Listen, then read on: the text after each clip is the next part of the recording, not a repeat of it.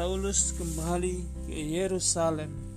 Kisah Rasul 9 ayat 22 sampai 28. Tiap hari Saulus berkhotbah tentang Yesus. Cerita tentang Tuhan Yesus di Damsik. Roh Kudus memenuhi hati Saulus. Ia sangat mengasihi Yesus. Ia ingin orang-orang lain juga mengasihi Yesus. Tapi beberapa orang benci kepada Saulus dia sudah ganti nama menjadi Paulus. Mereka mengatakan akan menangkap Paulus dan membunuhnya. Mereka berusaha mencarinya dan mereka menempatkan orang-orang mengawasi gerbang-gerbang kota agar ia tidak dapat lolos. Tapi semua orang Kristen adalah sahabat Paulus. Mereka mengatakan mereka akan membantu Paulus atau Saulus meloloskan diri. Jadi mereka mengambil sebuah keranjang besar dan sebuah tali lalu mereka pergi ke atas tembok kota Seluruh kota itu dikelilingi oleh tembok-tembok besar dan tinggi. Kemudian mereka mengikat tali ke, ke keranjang.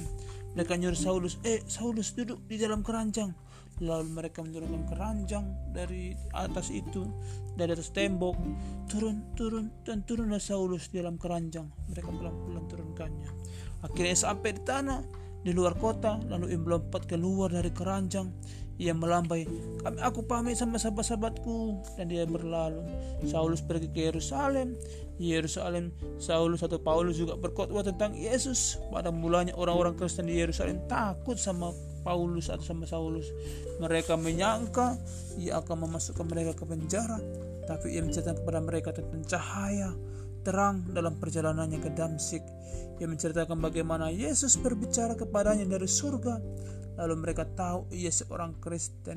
Akhirnya banyak orang percaya sama Yesus ketika mereka mendengar Saulus atau Paulus berkhotbah. Sejak itu Saulus dinamai Paulus. Oke? Okay?